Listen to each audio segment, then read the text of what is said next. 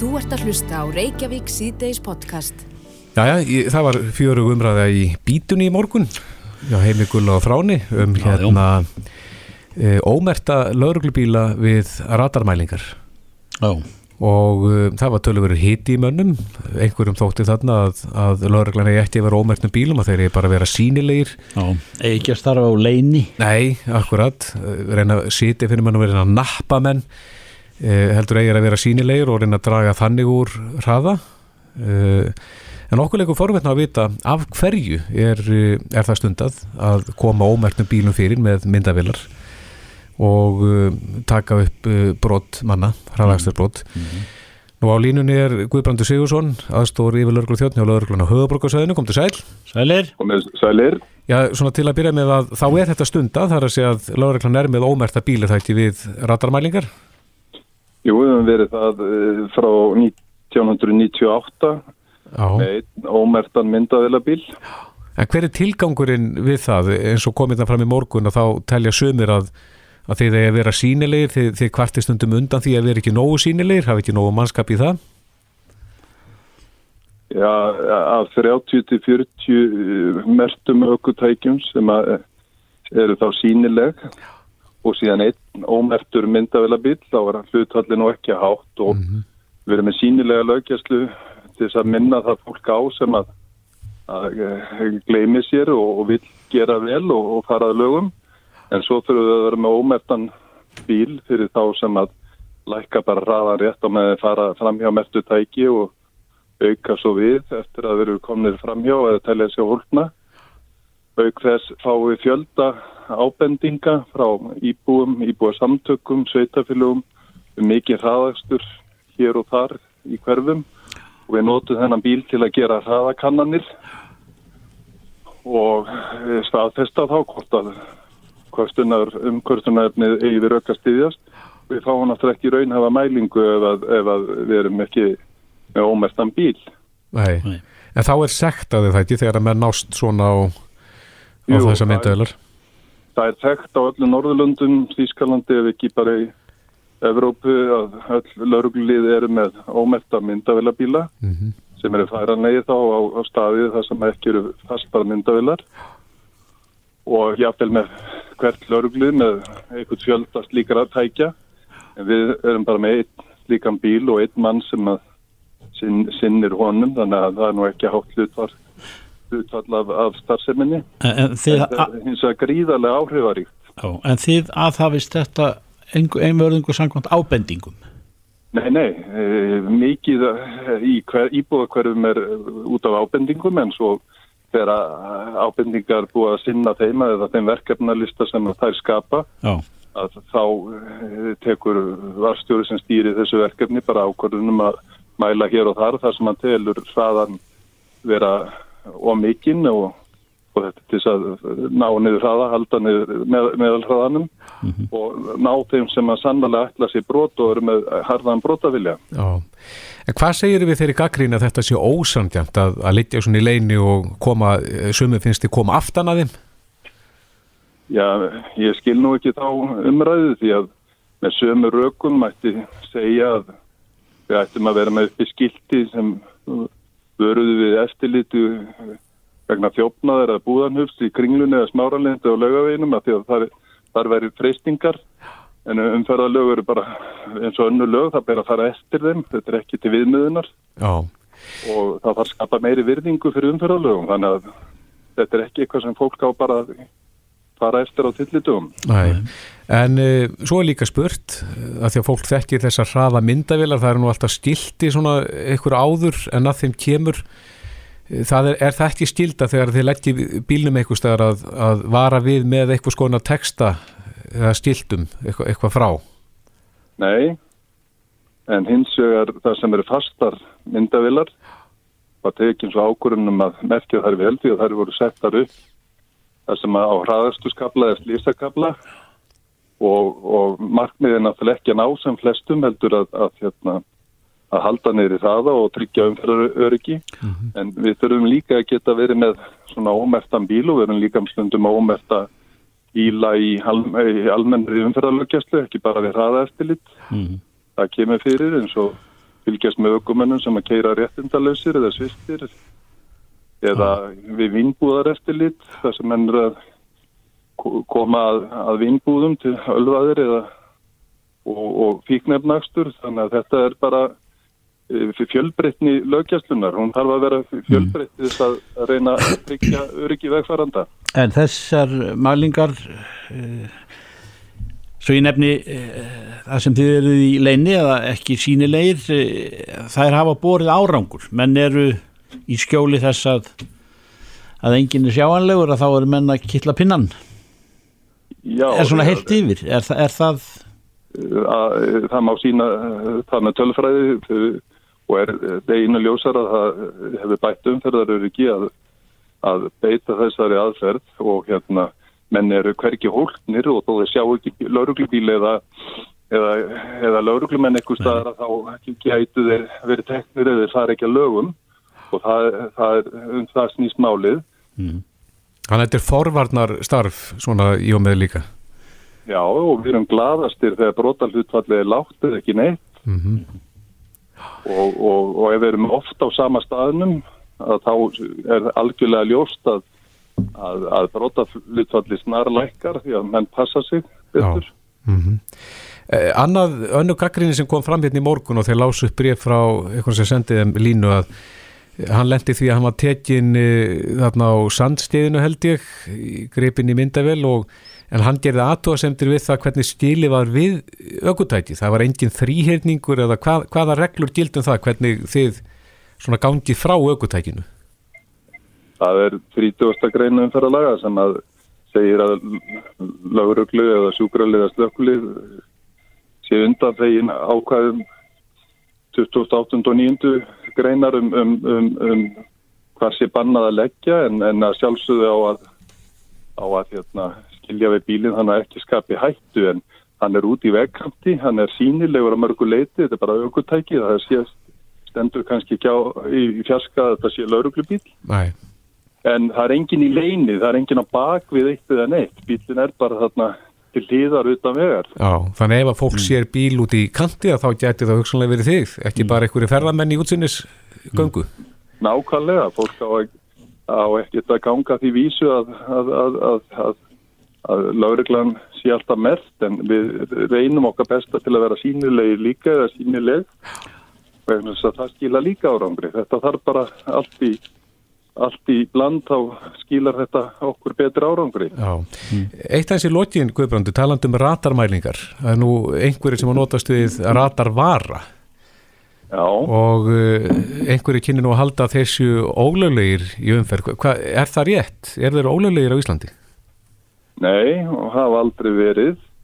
Ekki eru bara móttakarar, en ef það eru sendar þá eh, má það ekki nema með leiði fjarskiptastofnunar um einhverja sendistíðni. En eh, hins vegar eru flestir ratavarar bara móttakarar og þeir eru ekki ólulegir. Nei, Hins vegar við svo sem ekkert á móti þeim vegna þess að e, þessi varar grípa alls konar e, merki, ekki bara e, vera frá ratarlörglunar og er að pípa í tíma og tíma hjá aukumönnum þannig að þess vegna bílskursurða opnarar og annað þegar maður heyrt um. Já, renni hurður í vestlunum og slíkt.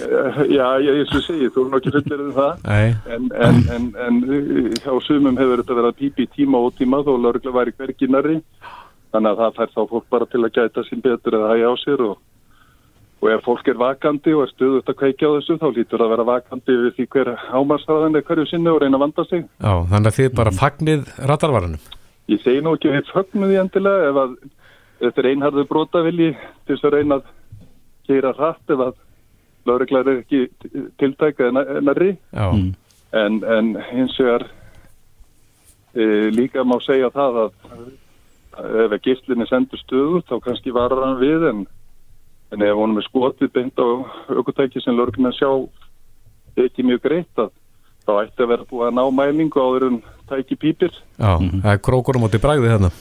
Já já þannig að við erum svo sem ekkert pyrrað okkur. Nei, yfir þessum tækjum Nei.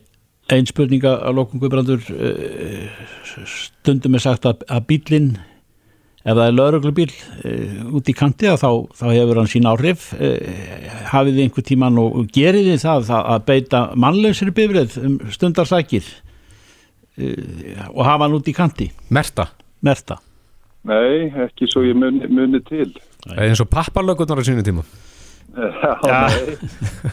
Nákvæmlega, nei, nei, ekki, ekki, ekki svo ég muni til og, og fólk er nú fljótt að átta sig á slíku og fyrir utan það að það þarf þá að eiga þessi tæki til að skilja eftir hér og þar og þau, þau eru nokkuð dýr. Já, Það sem fullkominn lauruglu yfirrið. einmitt.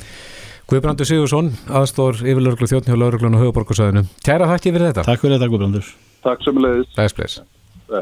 Þú ert að hlusta á Reykjavík síðdeis podcast. And the Oscar goes to Hildur Rudloff for Joker. Já, hér heyrum við af stóri stund. Já, við fáum ekki nóg að þið heyra þetta. Nei, nei, þetta er íslensk tónlistarsaga náði þarna á vissum hábúndi akkurat þarna. Og náttúrulega undirstrykun af því hverslega sigur för þetta hefur verið Hjá Hildi, já. algjörlega, gjörsamlega Herðu en Óskarsvöldunáttið, þetta er alltaf heilmikil hátíð og Kristín Ólafsdóttir, fréttakona á Vísi, hún uh, fylgdist vel með þessu og hefur gert þetta upp á inn á vísi.is og er komin hingað, velkomin. Takk kjærlega fyrir. Erum við að draga það fætur? Já, Já, ég, hérna, einmitt, ég, ég reyndi að dratta þess að fætur um hátegispil, já. þannig að ég er svona búin að ná að fá með kaffibólla og, og svona, þannig að ég ætti að vera. Einmitt. En uh, hefur þið fylgst með fleiri keppnum eða? E, já, eða það er svona náttúrulega bara óhjökkumilegt núna, sko þetta sísonið, hún er náttúrulega búin að vera þarna aðal konan, já, og með þessi tvö risa verk, þú veist, bæði Jókerinn og Tjernobyl, sem er bara mjög sjálfgeft. Ég er með dreifið að upp sko í gæra Lady Gaga var svona svolítið Hildur Guðnadóttir öluna sísonsins í fyrra. Já. Þannig að hérna Var hún að raka þá inn svona Já, hér hún, og þar? hún fekk sérsagt líka sérsagt Oscars, Emmy, BAFTA og Golden Globe Já, já. en reyndar í félagi við fleiri þannig að Hildur er betri Já, akkurat. Já, svo því sé aldrei til að En uh, hún kom sá og sigraði líka maður sá að, að, að samkoman stóð upp mm Mhm. og þessi setningannar sýstur, dætur Akkurat, mæður, konur já, konur, bara frængur og fleiri þetta var- við þurfum að heyra rödd ykkar. Mhm, Þetta var er alveg ótrúlega fyrir konur. Algjörlega, þetta var alveg ótrúlega og eins og ég var að lýsa fyrir ráðan að þetta hafði bara ótrúlega mikil áhrif á mig sem að ég kannski held að, að það myndi ekki gera en einmitt kannski, þetta var blanda kannski af svefleysi og einhvern veginn var taugunum og, og öllu en þetta var rosalega flott. Og ég held að hérna það var svona, já langt síðan þetta hefur gert síðast svolítið ko- komin tími á þetta held ég að margir hafa hugsað Ef við fyrir maður yfir hátíðina svona uh, stóru velunin Mhm. á þessari hátíð, þetta er náttúrulega leikarin, leikonan, uh, myndin og er, er tónlistin, er hún uh, svona flokku með þessum stóru velunum? Já, ég held að sé alveg óhætt að segja það. Þetta eru svona, já, hún er, þetta er alltaf velun sem eru tilkynnt þarna eina af þeim síðustu. Og það, það er alltaf svona eh, reynt Rúsínan í. Já, það er rúsínurnar. Algjörlega, þannig að það er svona veist, þessi leikaraflokkar, svo náttúrulega leikstjóraflokkurinn og, og besta mynd. Og svo eru það, þú veist, hérna tónlistin og lægið sem að svona, held ég að flestir séu spenntasti fyrir. tónlistin er tvískipti í raun og veru það sem að laga valið er eða þetta er stök lög sem samin eru fyrir Já, bíómyndir. En svo er það tónlistin Já, fyrir myndina í heild. Já, Já, akkurat. Svona tónverki sem slíkt. Mhm. -hmm. En uh, uh, rendaðins með okkur yfir svona helstu velunin. já, um, sko ég held að sé alveg óhætt að segja sigurvegari þessar hátíðar hafa verið e, söður kóreska kvikmyndin Parasite. Hún vann flest verlun og hérna, þau voru öll bara risastór. Hvaða mynd er það?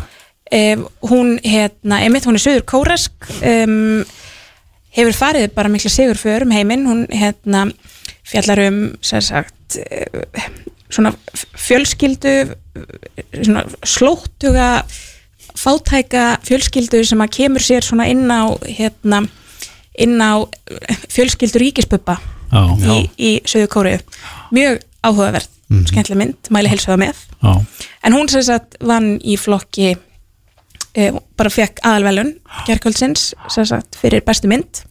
Svo var hann leikstjórn líka og hún fekk líka velunin fyrir handritið. En það var aftur orði hefðis mér að, að, að menn, þetta kom óvart. Já, ég nefnilega flestir voru held ég að búast við því að 1917 myndi vinna.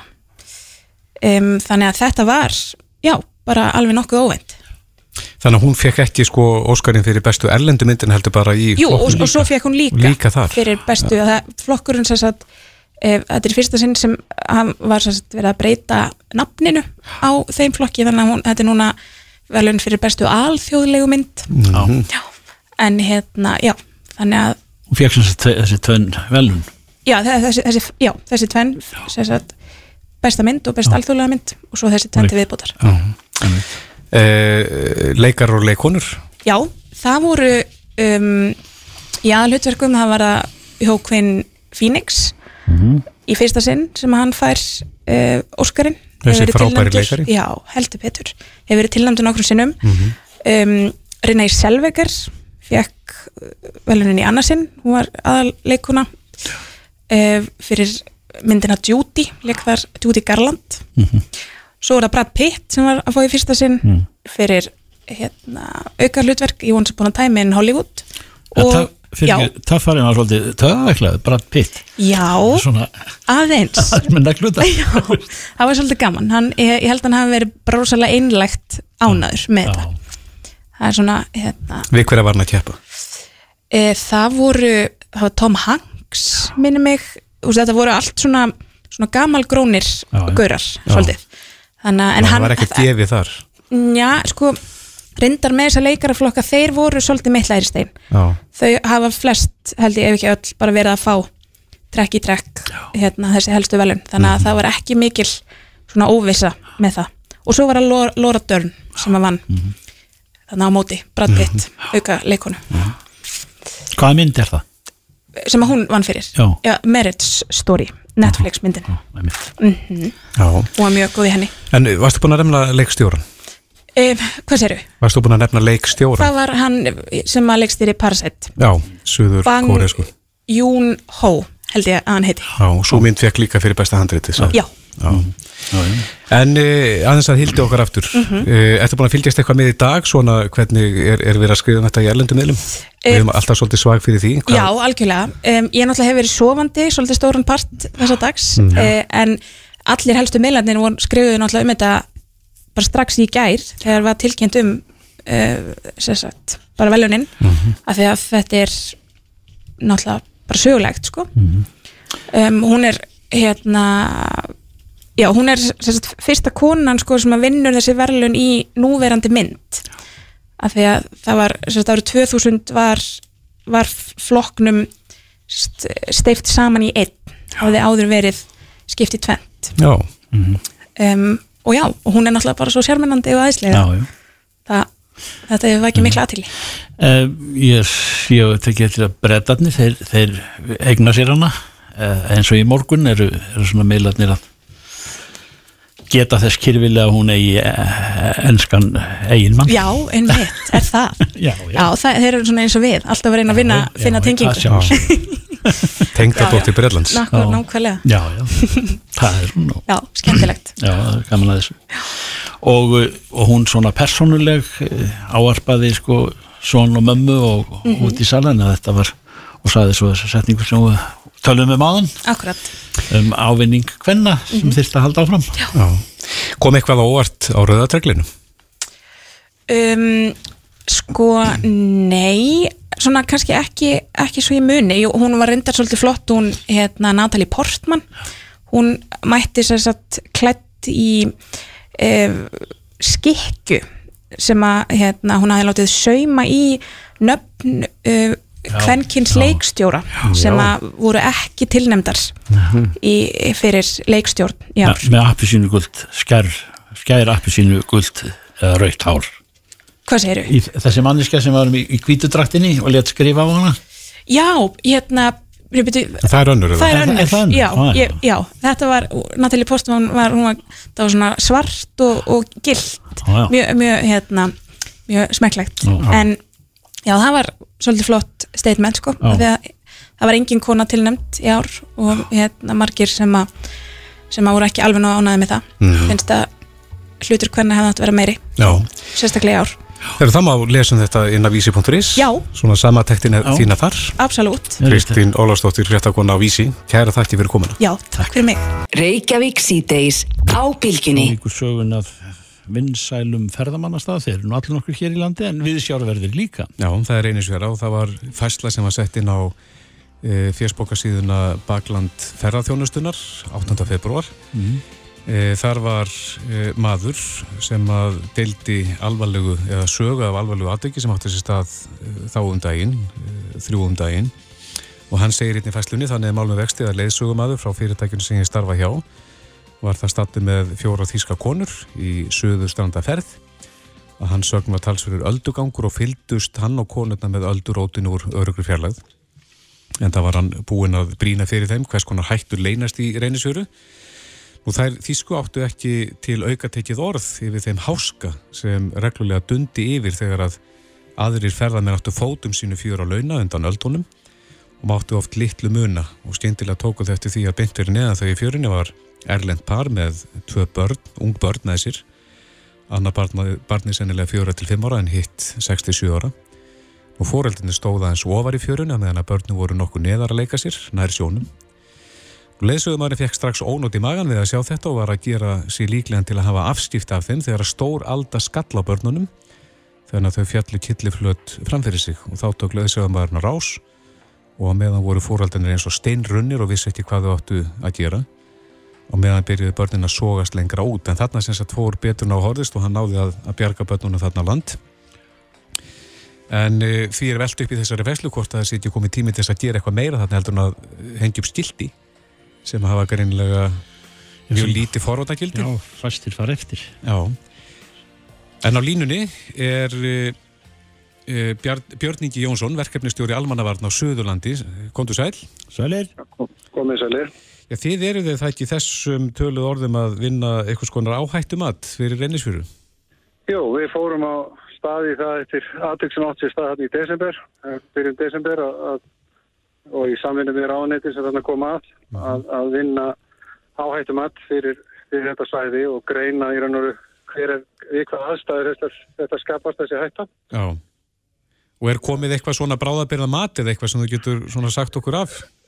Nei, við erum, við erum í gagna, gagnasöfnun og, og, og, og tína saman það sem að við hvað aðstæður þetta gerist og þar erum við að horfa á bæði veðurfarslegar aðstæður og, og ölduhæð og, sjólag. Mm og, og þetta er saminu á milli veðurstof Íslands og veðagerðanar á á samt ráðnetana og lauruglustjórans á Suðurlandi. Og við tínum saman öll þau atvik þar sem að við hittum um eða hefur verið tilkynnt um atvik eins og þetta. Og skoðum þau í samræmi við hvaða veður var á stannum og, og hvernig ölduhæð og sjólag og svona til þess að reyna sé geta sett fram á einhvern vísindarlegan og, og skarfspann hátt í raun og veru við hvað aðstæður við getum þá í raun og veru gripið til aðgerða fyrirfram og í raun og veru líst því yfir að, að fjaran sé lokuð eða á annan hægt í raun og veru heldur en bara þessi skildi heldur. Já, en Björningi, maður, maður heyrir oftar en ekki af því að, að, að, að túristar vilja þetta vettugi og, og fari ekki eftir svona löguðu. Það dugi ekki einu sinni að koma reypi eða einhverju snúru fyrir. Við höfum, við, jú, það er alveg rétt, við höfum lett í því að og veru eins og þeirra skriðan fjallarni í haust þó væri þarna lauruglumar á staðnum að það var ekki á borði, það var ekki virt sko. Þannig að það er eitt að setja fram áhættumat og, og, og ykkur skilir en, en, en það getur að horfa í það hvernig við síðan framfylgjum því. Já, já. Þannig að það er til skoðunar að, að hugsanlega loka fjörunni ef að veður og ölduhæð er þannig lagað eh, hættulegt. Ég, það er allan að það sem að embætti lauruglustjórans og almannavarnir eru að horfa í að, að með hvað hætti við getum við nú reynda að í veg fyrir það að við, við fáum þarna stórsliðis eins og þarna var næstu því og hefur ofta áður næstu því orðið og við höfum tapað lífum þarna á þessum staða þannig að við viljum náttúrulega reyna að koma í veg fyrir það. En lögreglan hefur svo sem engi tök á því að vera með eitthvað gæslu þarna. Ákveð myndi það falla? Það er, það er svo alltaf spurningin á hver á að bera kostnaðin af því að vera þarna með gæslu. Lörglan hefur verið þarna með gæslu í, í, í, í allan að 2-3 skipti þar sem eitthvað hefur gengið á og, og hérna, það hefur það verið svona sérverkefni sem hann hafa farið í, í framaldi af einhverjum miklu maturðum eða eins og til næst er þessi skriða, skriðafjall þá, þá vöktum við svæði þannig ákveðin tíma en, en svo er þetta líka spurning hvort að þetta er að vera einhver liti á hvernig þeirra sem er að íta undir í, undir þarna komið ferðamenn og, og svo. Þess, Já. þetta samtala á eftir að eiga sér stað á milli yfirvalda og í raun og veru rekstaraðala þarna á svæðinu og, og náttúrulega ekki, síst eigenda náttúrulega af fjörunni. Þarna er ansi stór eigendahópur á bakvið þessa, þetta svæði. Sko. En er þetta, Björn Ingi, er þetta gjörföll fjaran eða er þetta staðbundi við eh, ákveðnar eh, kletta eða nippur eða, eða einhver, einhver enn og yðan þarna misjöfn? Þessi, fj- þessi fjara er náttúrulega öll sem er bara fyrir allarsafið þannig að faktist er þetta öll fjaran sem er hættuleg en, en við erum náttúrulega með staðbundnar aðstæður hvað það snertir að, að hvar ferðamennir eru. Já. Þannig að það er tiltölulega eh, afmarka svæðið hvar ferðamennir sækja í. Þannig er náttúrulega stórfenglega stöðlaberg og hellir og ímestött sem að náttúrulega dregur að. Þannig að En, en, en all fjár eða stór hluta fjörunni þarna á þessu svæði er náttúrulega þessum eiginleikum búinu ef við lenda þarna út í, út í sjó og þá er hún, það er erfitt að fóta sig í, á, í miðri öldu þarna út í og, og koma sér í land. Hvað þá fyrir léttar mennestjúri eins og, eins og börn? Ég tala nú ekki um það, það er náttúrulega bara alveg stórhættulegt. Hvenar á þetta áhættum að þetta litja fyrir? Við ætlum að reyna að- að vera búið með þetta núna í, í, segir við í lók februar, í byrjun mars. Það var planið að vera búin að þessu í snem í februar en, en eins og þið vitið þá náttúrulega voru veðrin mjög slæm í, í, í janúar og svo lendi náttúrulega þessi snjóflóð. Þetta eru samstagsverkefni á milli sem við nefndi áðan, viðstofunar og, og veðgerina þannig að það er búið að vera mikið að gera hjá sama fólki nú kemur á þessari vinnu. Já, en svona miða við ágangin þarna og fjölda ferðamanna og þessi atvik sem við heyrim af, að þá, þá bráðleikur á. Já, ekki, ekki spurning, það er bara búið að vera okkar keppi kepli svolítið tíma að, að vinna í því að búa þetta til. Þannig að, þannig að við höfum tólinn í höndunum til að geta ágrunni þeirra gripi til að gera. Að, og við stefnum á núna í setnipartin í februar að vera með íbúafund með um, þarna í Vík og, og bóða þá alla sem áhuga hafa og hagsmunni hafa og auk, auk landegjanda að að því að, koma og ræða þessi mál við okkur og, og, og svona koma sínum sjónamiðum á framfæri þannig að og útskýra af hvað, hvað við erum að gera og af hverju sko. Já, gott að vita því að þetta er í ferli Björn Ingi Jónsson, verkefnistjóri Almannavarna á Suðurlandi. Við býðum eftir þessum, þessum niðurstöðum. Kæra þakkir. Það er ykkur okkur. Reykjavík síðdeis á Bilginni podcast. Við höfum verið að spyrja í dag, eh, svona í ljósi ummæla ákveðina manni eins og Kára Stefanssonar, stjóra íslenskrar erðargreiningar. Eh, hversu mikið á eh, mentun að, að vega þegar kom, kemur að launum fólks? Já, já. Það er frétt um uh, þetta eh, spjall, eh, Kára, en hann blandaði sér í umræðinu á Pírataspjallinu. Já. og það segir hann meðal annars að tilvist manna í skóla er sjaldan merkilegri en tilvist manna utan skóla. Og reynsla sem er nöðlast í skóla er sjaldan mikilvægur en svo sem fæst utan skóla. Þetta sagði meðal annars í þessu spjalli og, og eh, en það er, eru skipta skoðanir á þessu, Já. hvort að það er að meta eh, hérna mentun til hæri launa eða hvort að reynslan eigi að, að reynslun eigi að meta meira. Þórun Sveinbjörnandóttir sem fer fyrir BHM þekki nú þessa kríterju eða þennan þessa orðuræðu þó, þó kannski ekki þessa, þessa sem er upp í dag en, en á sama tægi hversu, hversu þungt er, er nám á metunum þegar það er verið að, er verið að tala um launmanna. Salbres, Sælvertu. já hvað segir þú bara almennt um, um þetta mentun, hversu á hún að vera allsráðandi í, í upp, eða sem þeirra að vera raði í launastiga eða skalla? Sko hún er það ekki eins og samfélagið virkar í dag og hún getur að sjálfsög ekki verið allsráðandi en það þarf að taka tillit til hennar rétt eins og það þarf að taka tillit til reynslu ábyrðar uh, og annars slíks uh, eins og gert er á vinnumarkaði. En ég verð nú samt að fá að segja, mér finnst uh, frekar skondið að forstjóri íslenskar erðagreiningar, uh, Kári Stefánsson, svo ágætti maður, sem að rekur einn stærsta þekkingar vinnustað á landinu sé svona stattur í þessum pælingum af því að eh, hann minnist nú eitthvað á afkvöstin og ég þykist nú vita að vísindamennitin sem starfa hjá erðagreiningu þeir það væru lítil afkvöstin þeirra eða þeir hefði ekki aflað sér nöðsynleira háskólamettunar áður en þeir fóru að vinna þar. Þannig að allt hangir þetta nú saman líka. Já, já, já.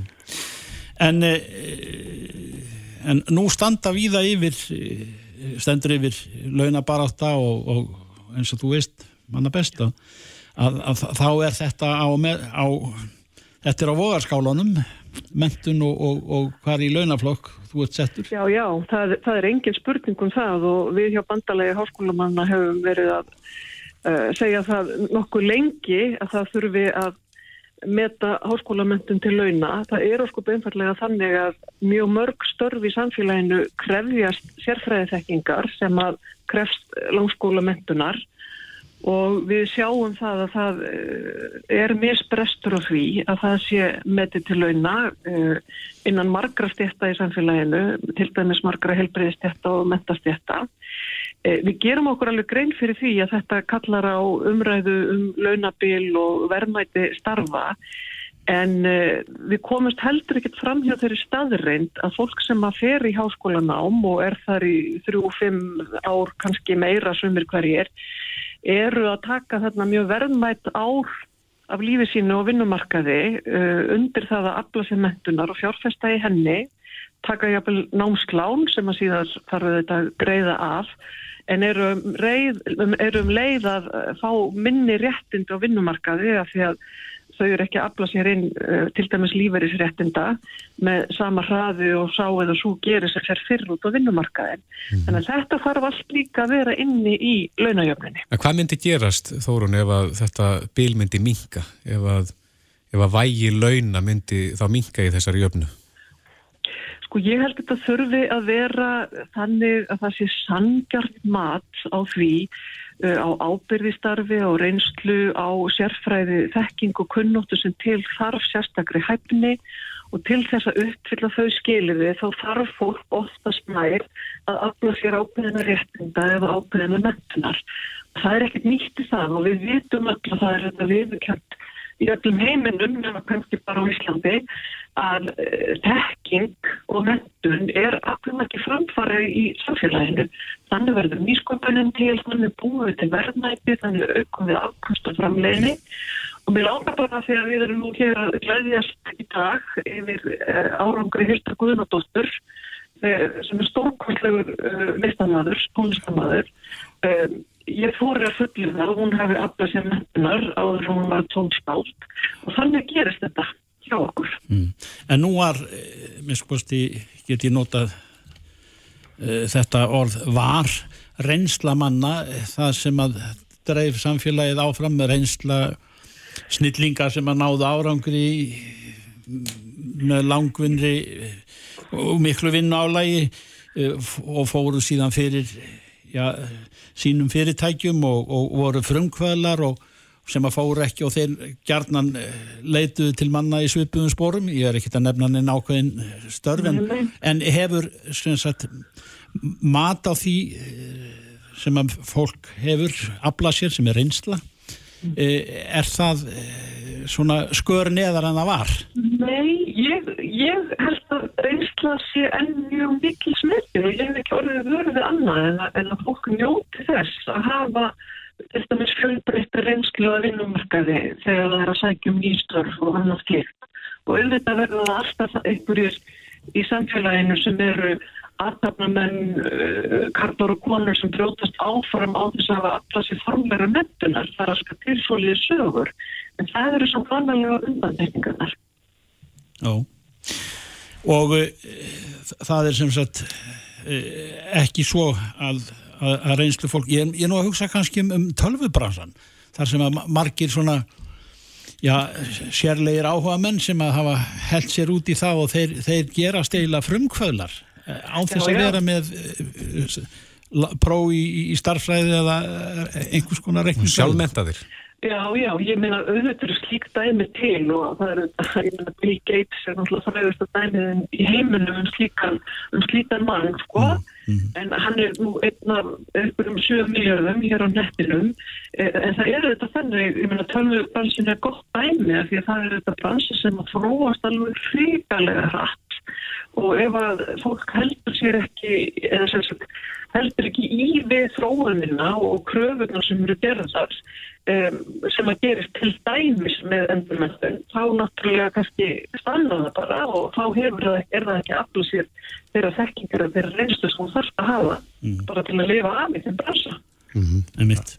En Þórun, þú segir að það þurfa að koma, eh, koma á einhverjir viðkenningu á, á, á balans þarna á milli þessa að sjálfsögðu þarf að gera það og við verðum með þetta að horfast í augu við það að, að það eru margir sem hafa farið í háskólanám sem að uh, hafa þurft að taka námslán uh, þeir eru að greiða um það til eina ráðstöfun að tekjur sínar á ári til, til að greiða láni niður þannig að það þarf þetta einhvern veginn að koma til mótsvið við þennan hóp líka. Já, en svo er spurning hvort allir hafi sömu tætjafæri til mentunar.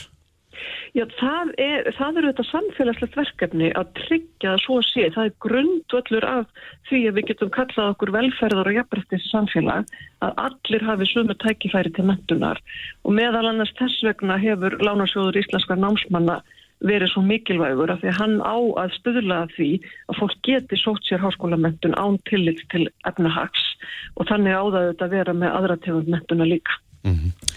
Þórun Sveifnandardóttir, formaðu BHM. Kæra þakki fyrir þetta. Takk. Takk fyrir mig. Bless, Reykjavík síðdeis á bylginni. Við heyrum mikið af samgöngum, ekki það nú þessa dagana, ekki það nú út af áðurinu einu saman, ekki nema áður í kannski viðskiptalögu tilliti, en, en við heyrum af áhuga mönnum fyrir því, Norðanheiða, þar að segja á Akureyri, að já, vegna þeirrar svona stíplu stjórnunar sem hefur verið þá málum er varðars flug, til dæmis sem akkur er flugull að þá eru fram á mennirðra að, að, að velta því upp og það all nokkur saman. Hvort ekki sé hægt að koma bara sér samningu við akkur flugull sem verður þá bara milliranda flugullur og þessi menns hérna hugsa stórt greinlega, Þorvaldur Lúðvík Sigur Jónsson er, er þar í farabróti heil og sæl Já, sælir Hverjir eru það sem eru að, er að hugsa um þennan möguleika? Hvað aðilar eru það sem að eru að leggja hönda bló?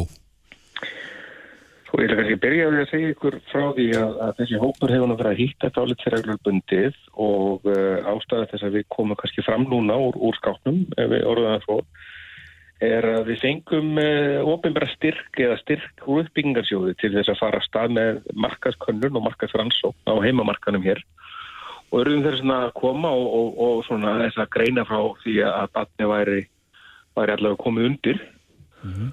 og uh, þetta eru sem sé fram á menn hér í atvinnulífinu uh, og, og það eru bæri fyrirtækjastofnarnir sem að standa svo litið af þessum hópi. Ég myndi segja að ég sjálfur sé nú bara vinnumæður hérna í hópnum og er svona að reyna að reyka verkefni svolítið áfram en uh, svona helstu bakhjarlar sem að nefndir hafa verið eru höldur býralega akkurirar, uh, Norrlandir sem er leiðandi í flugþjónustu á, á, á norðursvæðum allarsafsins svona og, og svo þetta samherri. Já. Þetta eru svona stærstu aðrættur og allir af eigaðir hérna hafa fjölbreytilegan bakgrunn og, og ímiskonar bæði vitt og þekkingu og, og, og peninga og reynslu til þess að koma að svona verkefni sem að fælst í því fyrst og fremst nú um stundir að kanna til lítar hvort að þetta sé vitt eður ei. He hefur þetta verkefni fengið eitthvað nafn? Já, við ennum með þetta vinnuheitið enn og næser. Næser? Já, fly nice, ha, fly nicer. Næs stendur þá fyrir hvað? Já, það er náttúrulega North Iceland. Já. Já, já, já. Þannig að við erum svona aðeins að, að, að, að í smá orðaleg með það, en, en hérna, þetta er ná vinnuheiti bara eins og komið er. Já, já, það hljómar vel. Allavega, sko, við ekki segja að vinnu tilgáttan okkur sé svo að upptökur það aðkvæðarfljóðarlar í svona þryggja til, já, þryggja tíma aftursverðaðið, er um 50 manns. Og það er sami íbúið fjöldi og færir mm -hmm. og við horfum á það að frændur okkar ferðaglaðir færingar, þeir fljúa 3-11 sinu til annar landa á dag og uh, okkur finnst ekki alveg galið að halda að það væri hægt að koma reglubunna áallunarflugi um akkurarflugvel á til Evrópu nokkur sinnum í viku. Hvaða staði væri þá helst, eh, svona hvaða staðir er í huga ykkar?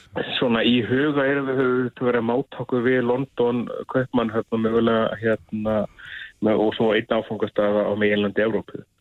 En þetta eigum við allt eftir að, að kanna betur og uh, eins og ég segi við hérna munum klára okkar rannsóknir í loka april og þá verða næstu skref skýrið. En, en, já, en það nú hefur verið uh, stímabrak í kringum eh, flugvöllin á Akureyri það er að segja að koma, hann, koma honum í, í svona hæft horf Já. svo, svo alþjóðlegt flug samþykki og, og njóti góðs af hvað standa þau mál? Er, er það bara dögt dæmi í bíli eða? Er bara alls ekki. Við náttúrulega trúum aldrei á einhverja, einhverja, einhverja vittlesu. Það var lögð fram samgöngu áallun sem að metfjöldi fyrirtækjastofnana á Norðurlandi hafðu ímyndilegt við aðtuga. Mm -hmm. Fyrirlægi voru bárust margar aðtugasendir um það að ekki skildi lögð króna, ekki ein króna á næstu fimm árum í uppbyggingu og viðhald á akkuraflugurli og, og nýfjárfæktingu. Þetta fannst mönnum mjög skrítið og það var bara með fjöldi fyrirtækja á Norðurlandi sem að sem sagt gerði aðtöðsendur við þetta inn í samráðsgátt stjórnvalda mm -hmm. og það er svo skemst frá því að segja að, að það var ekkert tekið til, til þeirra aðtöðsenda þeirra málið fór áfram en málið er alveg meðförum umhverfið samgöngunum og við höfum býstna sterkar væntingar til þess að umhverfis og samgöngun nefnd uh, muni gera breytingar hérna á. Er það skilir þið fyrir því að þetta verkefni gangi upp að það verði lagt svolítið í völlin? Já, það verður að bæta aðstöðuna. Eðna, e, sko, um akkurarflugur fórum 200.000 manns í fyrra oh. og flugurinn er 1600 fermetrar, sem sagt flugstöðin. Um, á sama uh, sko, svona ákveðna mælikvarða til því að fá þetta í puttana Þegar að leifstöð opnaði árið 1987 þá var hún 20.000 fermetrar og um uh, leifstöð fóru 750.000 farþegar eða segja, 30.000 ferri heldur en um akkuraflugur í, dag. Ef við myndum bæta þessu með mælistíkum á þetta þá þyrtti akkuraflugur að vera cirka 5.000 fermetrar að starra núna en er 1600. Oh. Þannig að það hefur mikið verið kallað eftir stækkun flugstöðurinnar einfallega þannig að fólk þurfi ekki að hýrast í ímiðskoðan veðurum út í á flugslagi og, og annars þar mm. sem notabenni er alltaf lítið. Hafa ekki engaðilega bóðist til þess að, að gangin og, og bara slá upp eitt, eitt stykki einu jú, stykki flugvöldi í einu kvöldi? Jú, jú, er rikka þessu þessari flugstöð. Oh. En, en það hefur ekki kannski gengið lengra hjá ríkinu, ég kann ekki að svara því en, en hérna, það er náttúrulega líka annað að Uh, við teljum að, að sko, þessi árangur sem verið hefur af beinu flugi til akkurir frá Hollandi og Breitlandi til þessa það, hefur, það er svolítið að ít okkur fram að brúninu með þetta. Það hefur verið afskaplega vel nýtt og, og þetta hefur tekist vel undanfyrin uh, tvö ár. Mm. Bara í fyrra var umferði alþjóðaflugið um akkurir 39% árið þar á undan var það 70% og árið þar á undan 24%. Þannig að þetta er búið að vera mjög sko, mikil aukning yeah. á sama tíma og það er kannski að hægjast á að dragast saman annar staðar eða í Keflavík. Mm. Og mér finnst það svolítið eftir þetta verst að menn kannski skildu skoða að já, líklega væri vita að reyna að opna aðra gáttin í landi þannig að verðamenn hafi fleiri valkosti en bara að koma inn í gegnum Keflavík. Já, en segðum við Þorvaldur, flugflótin, hvað, hvað horfið á þar? Erum við að tala um þóttur eða já, já, minni vilar? Nei, nei, bara þóttur. Hérna, en það er alltaf snemt að fara út í þessi tæknilega atriði og ef að rekstra grundvöldurinn og markaðsáallurinn leið, eða markaðskönnin leiðir í ljósa þetta sé vitt, þá getum við farið að skoða svona tæknilega atrið eins og, og flugvila uh, tegundina eða annars líkt en það er hins vegar frekar léttvægt úrlösnarefni þegar að, að, þegar að það er búið að fölluð sem séum um, restarkundvöldin sem við reyndar að býsa bjart sínir á. Já, já Þorvaldur Lúðvík Sigurðansson, fórsvarsmaður næs er, þetta læti nú þægilegi eirum, næs. Er það ekki? Það vera bara dalti svona ljúfur og... Jú, að sjálfsögðu. Já, já, ekkert að vera haldan en að ræður um þetta, bara spjalla um þetta. Er, er, er, hvenar heyru við frá okkur í næsta skrefi? ég myndi eins og ég saði, við varum treyið til þess að vera opn okkur mikið á þetta að vera með, með stórkallarlega yfirlýsingar en, en ég myndi vilja segja að, að svona næsti vendipunktur eða hérna, já, vendipunktur í okkur verður loka april. Kærar þakki fyrir spjallið og vegna ykkur vel. Takk að kjalla fyrir þetta. Eða eins ykkur. Fréttir og fróðleikur. Reykjavík síðdeis á bylgjunni. Reykjavík síðdeis, herru, það er mynd hérna sem að gengur um á netinu sem að fólk er að deila svolítið Já. og hér er texti og mynd af mannestju við sjálfsafgræslu kassa sem er búið að exa svona yfir og hérna stendur Mér dettur ekki í hug að aðstóða stórmarkaði við að fækka starfsfólki, nota aldrei sjálfsafgræslu kassana Ég fyrir röðina hjá mönnuðukassunum því að ég er viðskiptaðinur, ekki starfsmæður. Og svo stendur hérna undir, ekki gerast ótípis vinnuafl því ekki hefur verðið lækkað. Já, maður nýtur nú óneitanlega um þetta verðið lækkað, það er, hefur maður heyrt áður, Já, ef að þú afgriðir þið sjálfur. á ég mitt. En Guðmundur Martinsson, frangotastjóri Bónus er á línunni, komdu sæl. Sælir, Já, sælir strókar.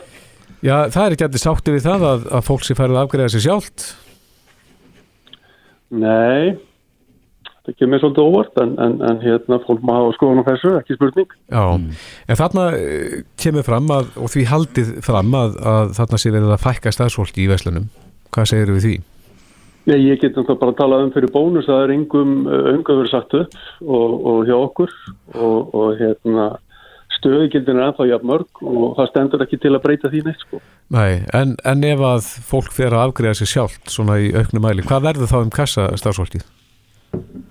Það færist bara í önnu störf í búðinni sko. Það, það, er, það er að nóga að taka hjá okkur. Bónus er ekki að fáa starfsfólki og, og, hérna, og það er að nóga að taka í, í, í búðinu hverjum degi sko. Já. En svo er spurt af hverju lækkar verðið ekki ef að fólk er farið að afgreða sér sjálft?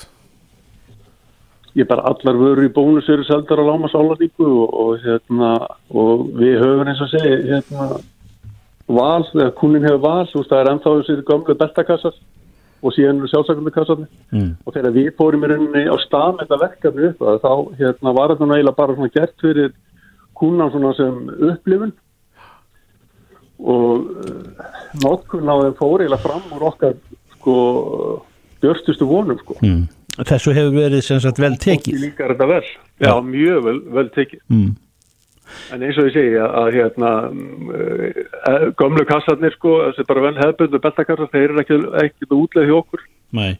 og það En- er engin breyting á því og ég, og ég ítreka það að hérna, það er engum starfsmann í bónus sem er sagt upp vegna, vegna sjálfsakundikassa Mm. En eru þeir eins og maður hefur nú reynda síðan sem staðar, eh, er það hjá ykkur að, eh, að, að sjálfsafgreðsla sé vöktuð? Já, það er sem sagt eitt starfsmáður fyrir 6-8 kassa Einmitt. Já, já. Hefur eitthvað hugmyndur svona? með, með Er helmingur af ykkar viðskiptavinnum sem nota sjálfsafgreðslu eða hvað, hva, ef þú myndir slá á Já, það? það er, það er, það er enda misjátt eftir búðum og, og, hérna, og það er alltaf, já, en, en, 50% sem að nota þetta. Já. Já. En þú segir að það hefur engi mist vinnuna út af þessu. Nei, og það er ekki, það er ekki á dögun í okkur. Nei. Og eins og ég segi, það er, það er hérna, óbreytur fjöldi starfskilda hjá okkur og, og hérna, engin breyting á því framöndan hjá okkur. Já. En, en er þetta ekki í og með gert til þess að draga úr kostnaði? Þegar við fórum á stað með þetta verkefni þá snýrist þetta, við vorum ekki búin að reikna út negin áhrif hérna, uh, á kostnað hjá okkur þegar við fórum í að, að innlega þessa kassa. Þetta var meira gert uh, bara sem uppleið fyrir kuna. Þannig að hann fengi að, að hérna- prófa að vera afgræslu starfsmæður eða kassastarfsmæður? Já, já, þetta, þetta er bara staðan fyrir að býða í röð hérna eftir að komast að hennu kursunum að að- að fara þá á þessa og afgræða sér sjálfur. Það er, Mm. og allavega mælist mjög vel fyrir sko. En er þetta ekki líka þannig bæði að það séu frekar þeir hinnir yngri sem gera þetta og svo líka þeir sem eru kannski að, að skreppa inn í búð og kaupa fáa hluti og til þess að fara ekki í, í, röðina þar sem eru kerrurnar fullar og tekur tíma. Jú, það, það var reyndar hugmyndin sko. Þetta voru, hérna, þetta voru sko, starfsmæði, hérna, viðskiptavinni sem voru að koma með, með einn upp í fimm hluti Mm. Við heldum að þetta yrði svoleiðis og, og þetta reynda að byrjaði svoleiðis og síðan bara þegar fólk fyrir að læra á þetta þá, þá nota fólk þetta með. Já, já, já. En telur ekki að þetta geti lækka vöruverð? Nei, sko, við erum ekki að fækka starfsfólki. Um það, um það snýst þetta nummer 1 og 3 og, og hérna, störfin í bónus eru bara, hérna, það eru næg verkefni og þeir sem áður voru að kassa, þeir, þeir fara bara í önnu störf innan, innan hérna, vestlunarina og sem dæmi sem eh, er sko bara flokkun og sorti, það er eitt af því sem að, hérna, er að taka alltaf meira og meiri tíma. Þannig að, hérna, að störfin færast bara til. Já. Guðmundur Martinsson, frangotastjóri Bónus. Kæra þakki fyrir þetta. Takk fyrir þetta, Guðmundur. Takk sem bless.